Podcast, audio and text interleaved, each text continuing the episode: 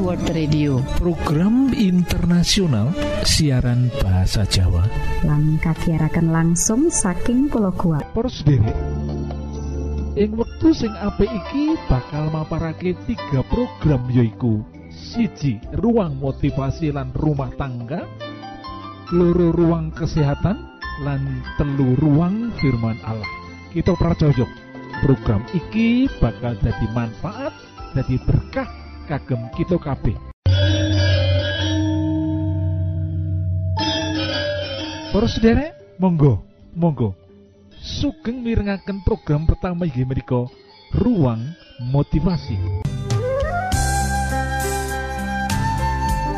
Ruang motivasi yang wektu iki yaitu saat menghadapi masa pensiun dan di usia tua agar kita tetap bahagia dan bergembira bagaimana caranya. Karena kenyataannya pada waktu kita usia tua kita itu kehilangan kesibukan rutin dan yang kedua kita kehilangan rasa berguna dan rasa dibutuhkan pembahasan motivasi yang waktu ini bagaimana cara mengatasi hilangnya rasa berguna dan dibutuhkan pada waktu kita usia pensiun dan di usia tua agar kehidupan kita itu bergembira dan berbahagia. Nah, saat menikah badai dipun paparaken yang pertama nggih menika kita kedah terima fakta bahwa setelah mencapai usia tertentu kita tidak bertambah bijaksana loh sampai titik tertentu benarlah pepatah yang mengatakan bahwa makin tua makin menjadi barang klasik. Namun lewat masa tertentu sesungguhnya yang terjadi adalah makin kita tua makin kita menjadi kuno. Inilah fakta kehidupan yang tidak dapat dipungkiri loh para sederek. Dan terus kita kedah menyadari bahwa sejak kita itu pensiun, pada waktu kita bertambah usia tua, kita kedah menyadari bahwa kita itu tidak bertambah bijaksana, kita tidak bertambah pintar. Kalau dulu kita suka diundang, kalau kita itu suka diminta untuk memberikan nasihat, kita itu merasa begitu dibutuhkan, pada saat pensiun, pada waktu kita memasuki usia tua, kalau tidak ada lagi yang mengundang, kalau tidak ada lagi yang meminta kita untuk menasihati, jangan kecil hati. Terima fakta, jangan malah kita itu melawan fakta. Kita harus terima dengan legowo, kita kedah terima dengan hati gembira, memang peran itu harus malah digantikan oleh anak-anak bahkan cucu-cucu kita. Yang hebat harus anak-anak muda semakin hebat. Kita yang tua harus mengurangi bahkan peran kita pun harus kita kurangi loh para sederek. Dan cara menghadapi usia tua tetap bergembira, tetap bersuka cita pada saat kita merasa kurang rasa berguna dan tidak lagi begitu dibutuhkan kita harus dengan legowo menerima fakta ini. Malah jangan kita menentang. Kalau menentang malah kita itu menjadi banyak frustrasi. Lah saat sampun frustrasi biasanya kita menjadi sakit-sakitan lan kita bisa cepat mati. Lah supaya tidak cepat mati kita harus menjaga masa pensiun masa tua tetap bergembira bersuka cita. Kita ketah menerima fakta bahwa memang saat usia pensiun dan saat kita sudah usia tua rasa berguna lan dibutahaken menika makin berkurang tapi kita terima semuanya kanthi legowo Gusti berkahi.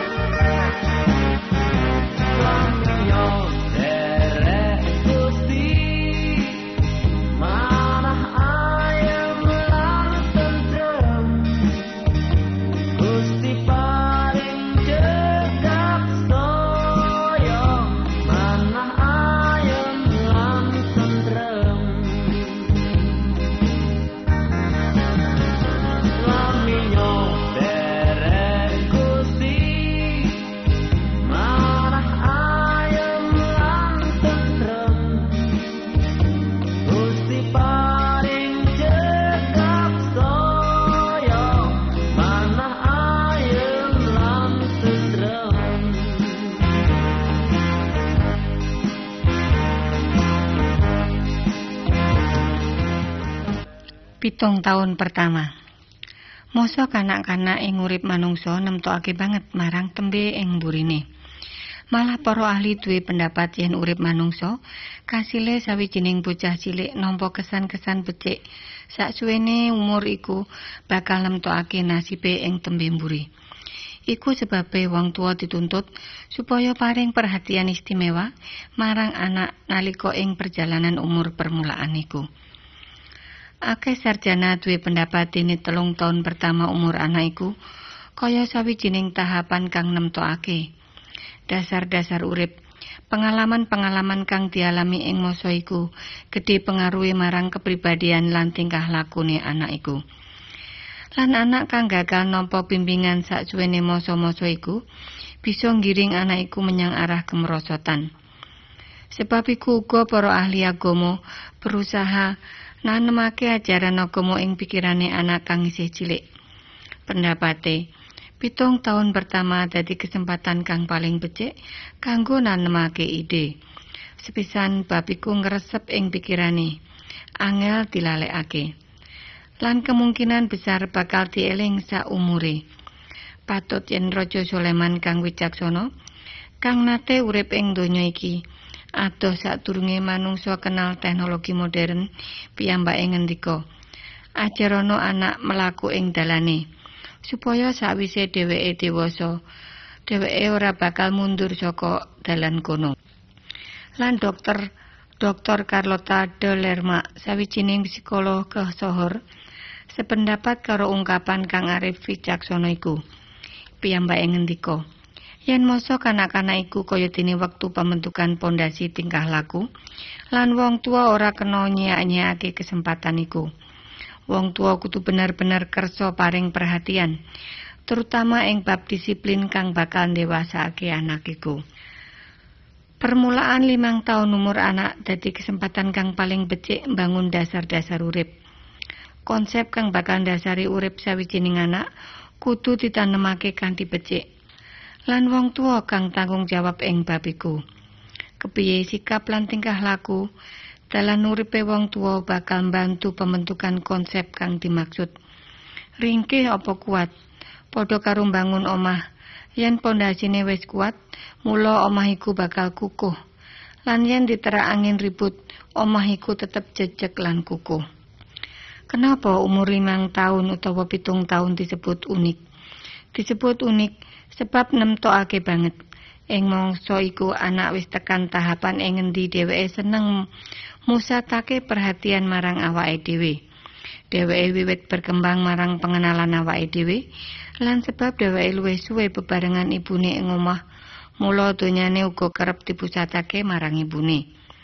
Iku uga sebabe sawijining anak tresno barek tresno banget marang ibune.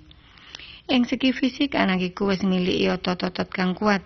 Dheweke nglatih iku kanthi cara dolanan, playon lan warna-warna kegiatan kang migunakake otot. Ing umur iki anak wis berkembang ing bidang emosi lan intelektual. Sebab dorongan intelek iki mula dheweke tansah kepengin ngerti sakabeh kang ana ing saubenge. terutama ing lingkungan keluarga lan masyarakat ing kono. Dheweke uga pengen ngerti kegiatane wong-wong dewasa lan kegiatan liyane. Saka urian iku bisa kita pahami mendah pentinge wong tua paring perhatian kang khusus marang anak-anake kang lagi ngancik ing umur iku. Saibu kukuh pondasi sawijining anak yen wiwit isih cilike dheweke wis urip kanthi becik serasi karo perkembangan fisik, mental, sosial lan rohanine. Lan yen dheweke wis ngancik ing masa remaja paling ora dasar-dasar iku bakal mbantu dheweke. Kaya kang wis kita mireng bebarengan dene umur limang tahunan iku tumrap anak kaya dene wektu-wektu kang penting ing perkembangan emosional. Lan uga struktur dasar kepribadian. Mula wong tua wis sepatute kagungan perhatian khusus ing bab iku Kerep kita sebagai wong tua lali lan kurang nyediake wektu kanggo bebarengan anak-anak ing omah. Mbok menawa kesibukan wis luwih ngentekake wektu kang nyebabake kita luwih akeh ana ing sak njabane omah tinimbang wektu bebarengan anak-anak kang butuhake bimbingan iku.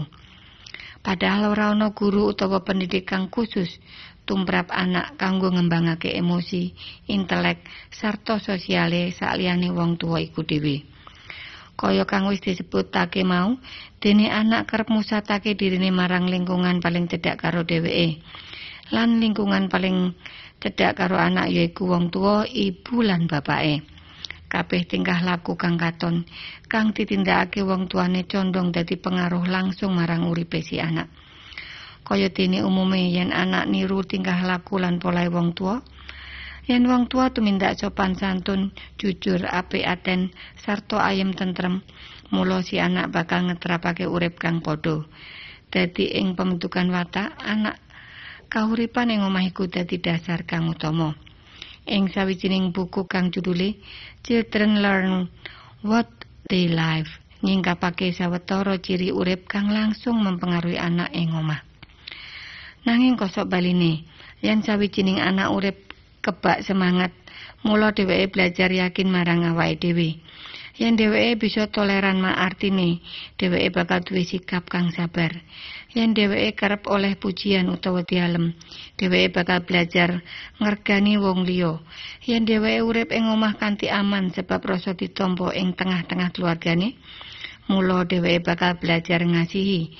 yen sawijining anak urip diakoni ing omah ngrasa digatekake mula dheweke bakal sinau kepiye ngrengkuh tujuan. Yen dheweke urip kanthi tentrem lan ing kejujuran dheweke bakal belajar adil. Yen dheweke urip ing swasana sopan santun ramah tamah mula dheweke bakal sinau apa iku bab kang bener. Yen dheweke ngrasa aman ing omah ing omah mula dheweke bakal belajar yakin marang awake dhewe yen dheweke urip seneng kekancan lan akeh kanca dheweke bakal ngrasa yen donya iki dadi papan kang endah tumrap dheweke kauripan kang becik lan ala iki bakal luwih akeh disinaoni anak ing omah saka bapak lan ibune uga saka keluarga ing saubeng omahe Bapak-bapak lan para ibu rumah tangga, mula pentingnya lingkungan sehat ing omah kanggo ngembangake pribadi anak dadi pribadi kang sehat. Para sederek pengen gadai kesehatan sing prima.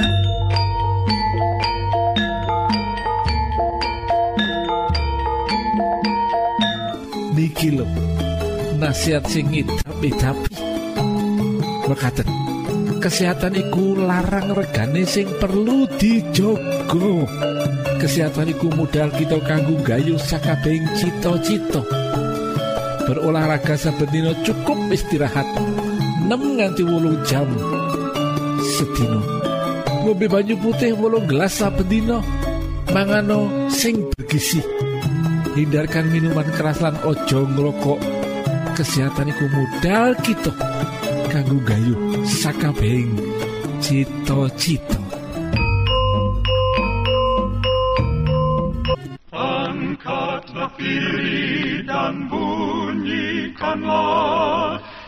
Isa mau datang lagi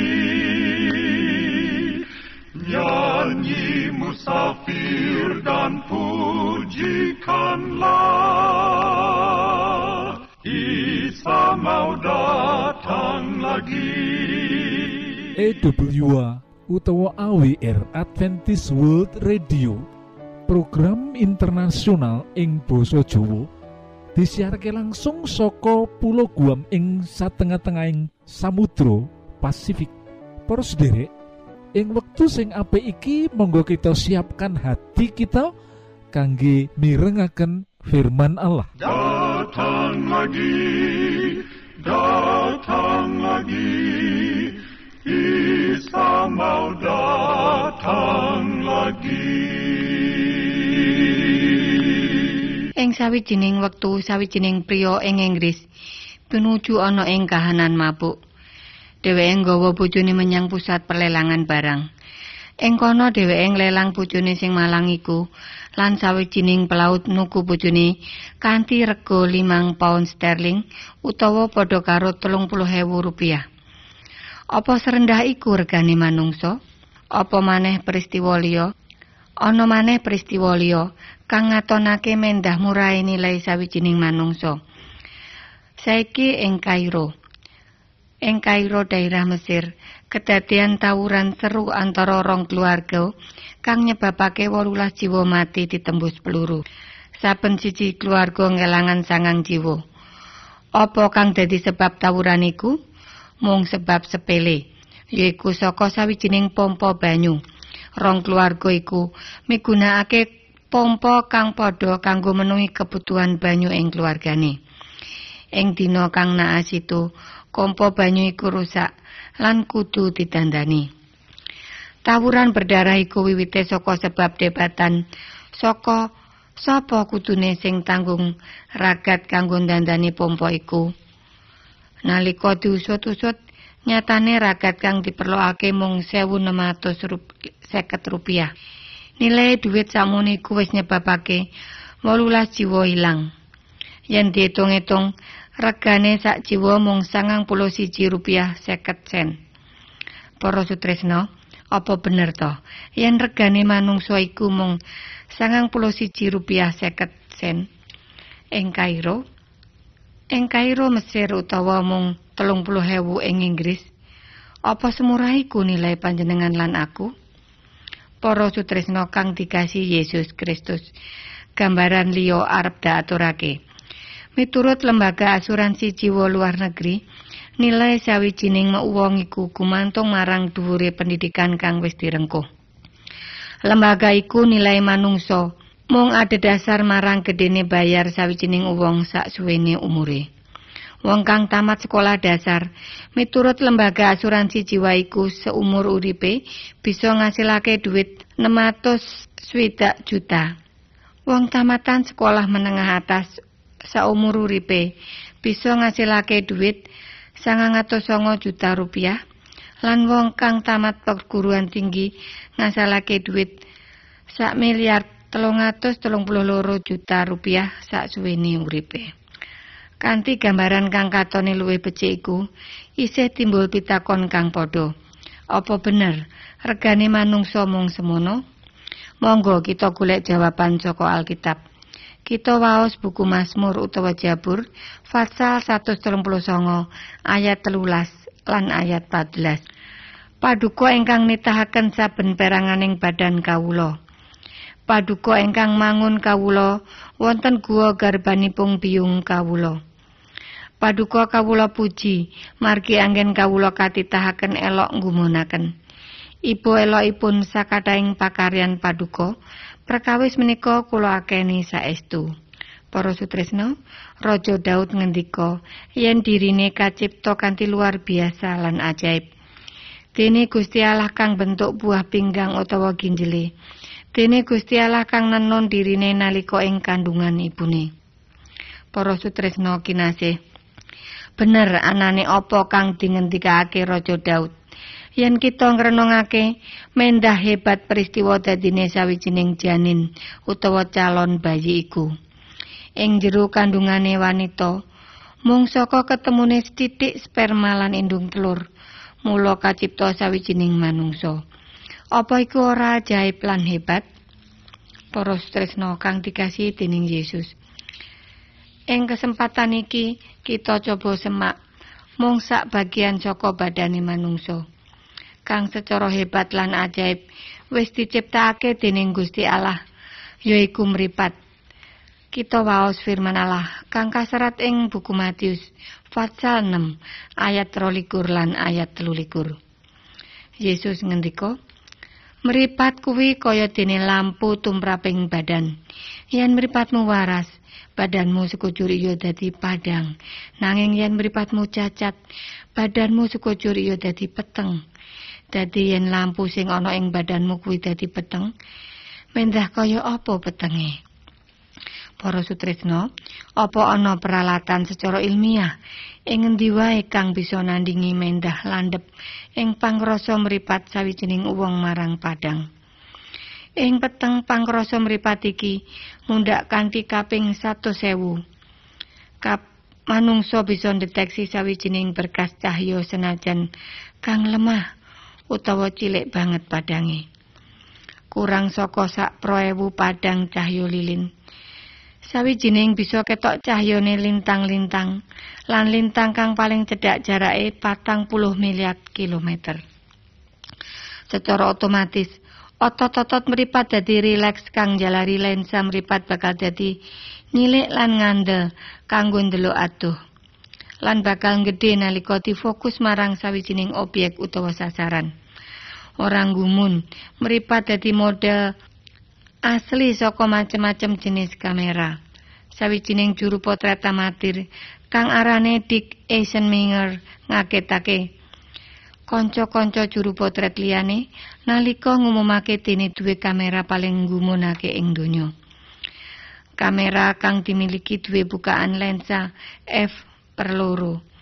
Bisa secara otomatis mbidik sasaran lan langsung mokus sasaran iku ing wektu kang kurang saka setengah detik. Dheweke uga nambahake dene warna film kang dianggo ngrekam gambar asifat stereoskopik utawa gambar ing telu dimensi lan bisa langsung ganti film sakwise dianggo motret. Wektu kang dinggo nyuci lan nyetak gambar iku mung sak propiro detik wae. Apa larang regane kamera iku para? Yo mesti wae larang banget. Malah ora bisa diitung regane. Kamera kang dimaksud dening Dick Eisenmenger iku ora liya yaiku mripat manungsa. Para sutresna kang dikasih Gusti Yesus Kristus. Piro sejatine reganing diri panjenengan lan aku? Rasul Paulus ing Alkitab siji Korintus pasal 6 ayat 19 nganti ayat 20 medharake. Apa kowe padha ora ngerti yen badanmu kuwi dadi padalemane Sang Roh Suci? Roh Suci sing kaparingake dening Gusti Allah marang kowe. kowe kuwi dudu duwekmu dhewe nanging kagunganing Gusti Allah kowe wis ditumbas dening Gusti Allah kelawan rego sing larang mulane badanmu mau enggonen ngluhurake Gusti Allah. Para sutresno sebab badan kita iki regane wis dibayar lunas kontan apa nganggo duit? Dudu nanging kanthi darah Kristus. Yesus wis mbayar awak kita iki karo darahe. Artine awak kita iki dadi larang banget sebab dadi senilai darah Kristus. Kanthi mangkono, awak kita iki dudu milik kita maneh, nanging kagunganing Allah, bait Allah. Lan ing ayat 20 diwedharake, mulane badanmu kuwi enggonen ngluhurake Gusti Allah. Kepiye carane? Yaiku kanthi cara kanthi ngisep hawa kang resik ngluwari diri saka stres kanthi cara masrahake diri marang Gusti Allah. Olahraga sak cukupe. Ora minum minuman kang ngandung alkohol, ora dahar-daharan kang dilarang Allah, kang kawedar ing Alkitab. Dahar luwe akeh sayur-sayuran, biji-bijian lan buah-buahan. Para sutresno, nilai diri panjenengan lan aku larang banget ajine. Monggo kita jogo, kita rumah supaya kita kanthi terus-terusan bisa ngluhurake Gusti Allah tanpa nyimpang saka dalan kang digarisake lan tanpa natoni penggali. Monggo kita sesarangan ngunjukake pamuji dhateng ngarsane.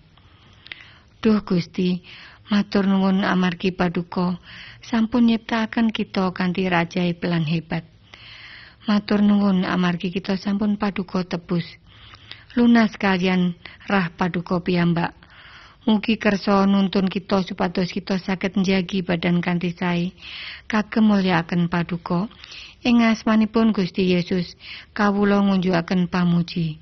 Amin. Seperti pelangi sehabis hujan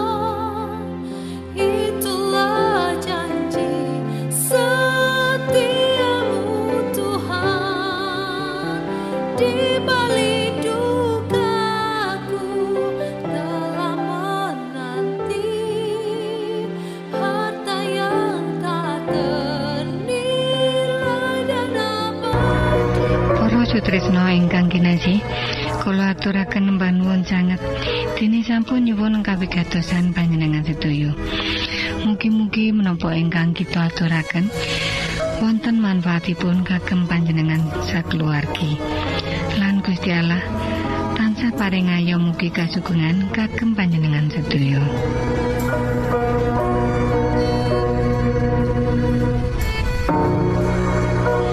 Kita ingkang tugas jagi wonten studio nyungun pamit badhe mundur pilih wonten pitaken-pitaken utawi unjuin atur masukan-masukan lan menawi panjenengan gadah kepengingan ingkang lebet badhe sinau bab pangantikaning Gusti.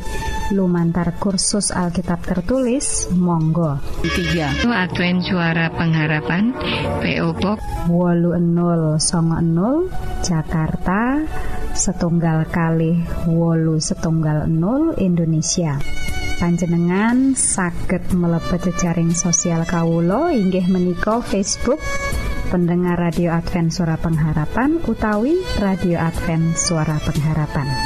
Saran-saran pitaken ugi tanggapan panjenengan tansah kawulo tenggo. Lan saking studio kula ngaturaken bumi panuwun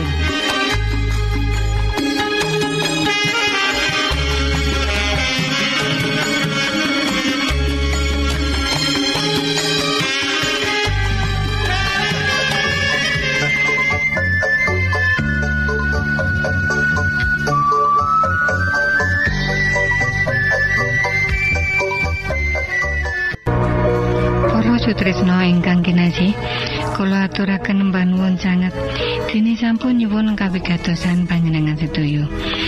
Mugi-mugi menapa ingkang kita aturaken wonten manfaatipun kagem panjenengan sakeluargi. Lan Gusti Allah tansah paring ayo mugi kasugengan kagem panjenengan sedaya.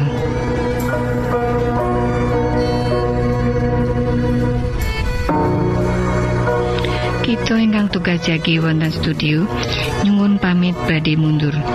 Pilih wonten pitaken-pitaken utawi unjuin atur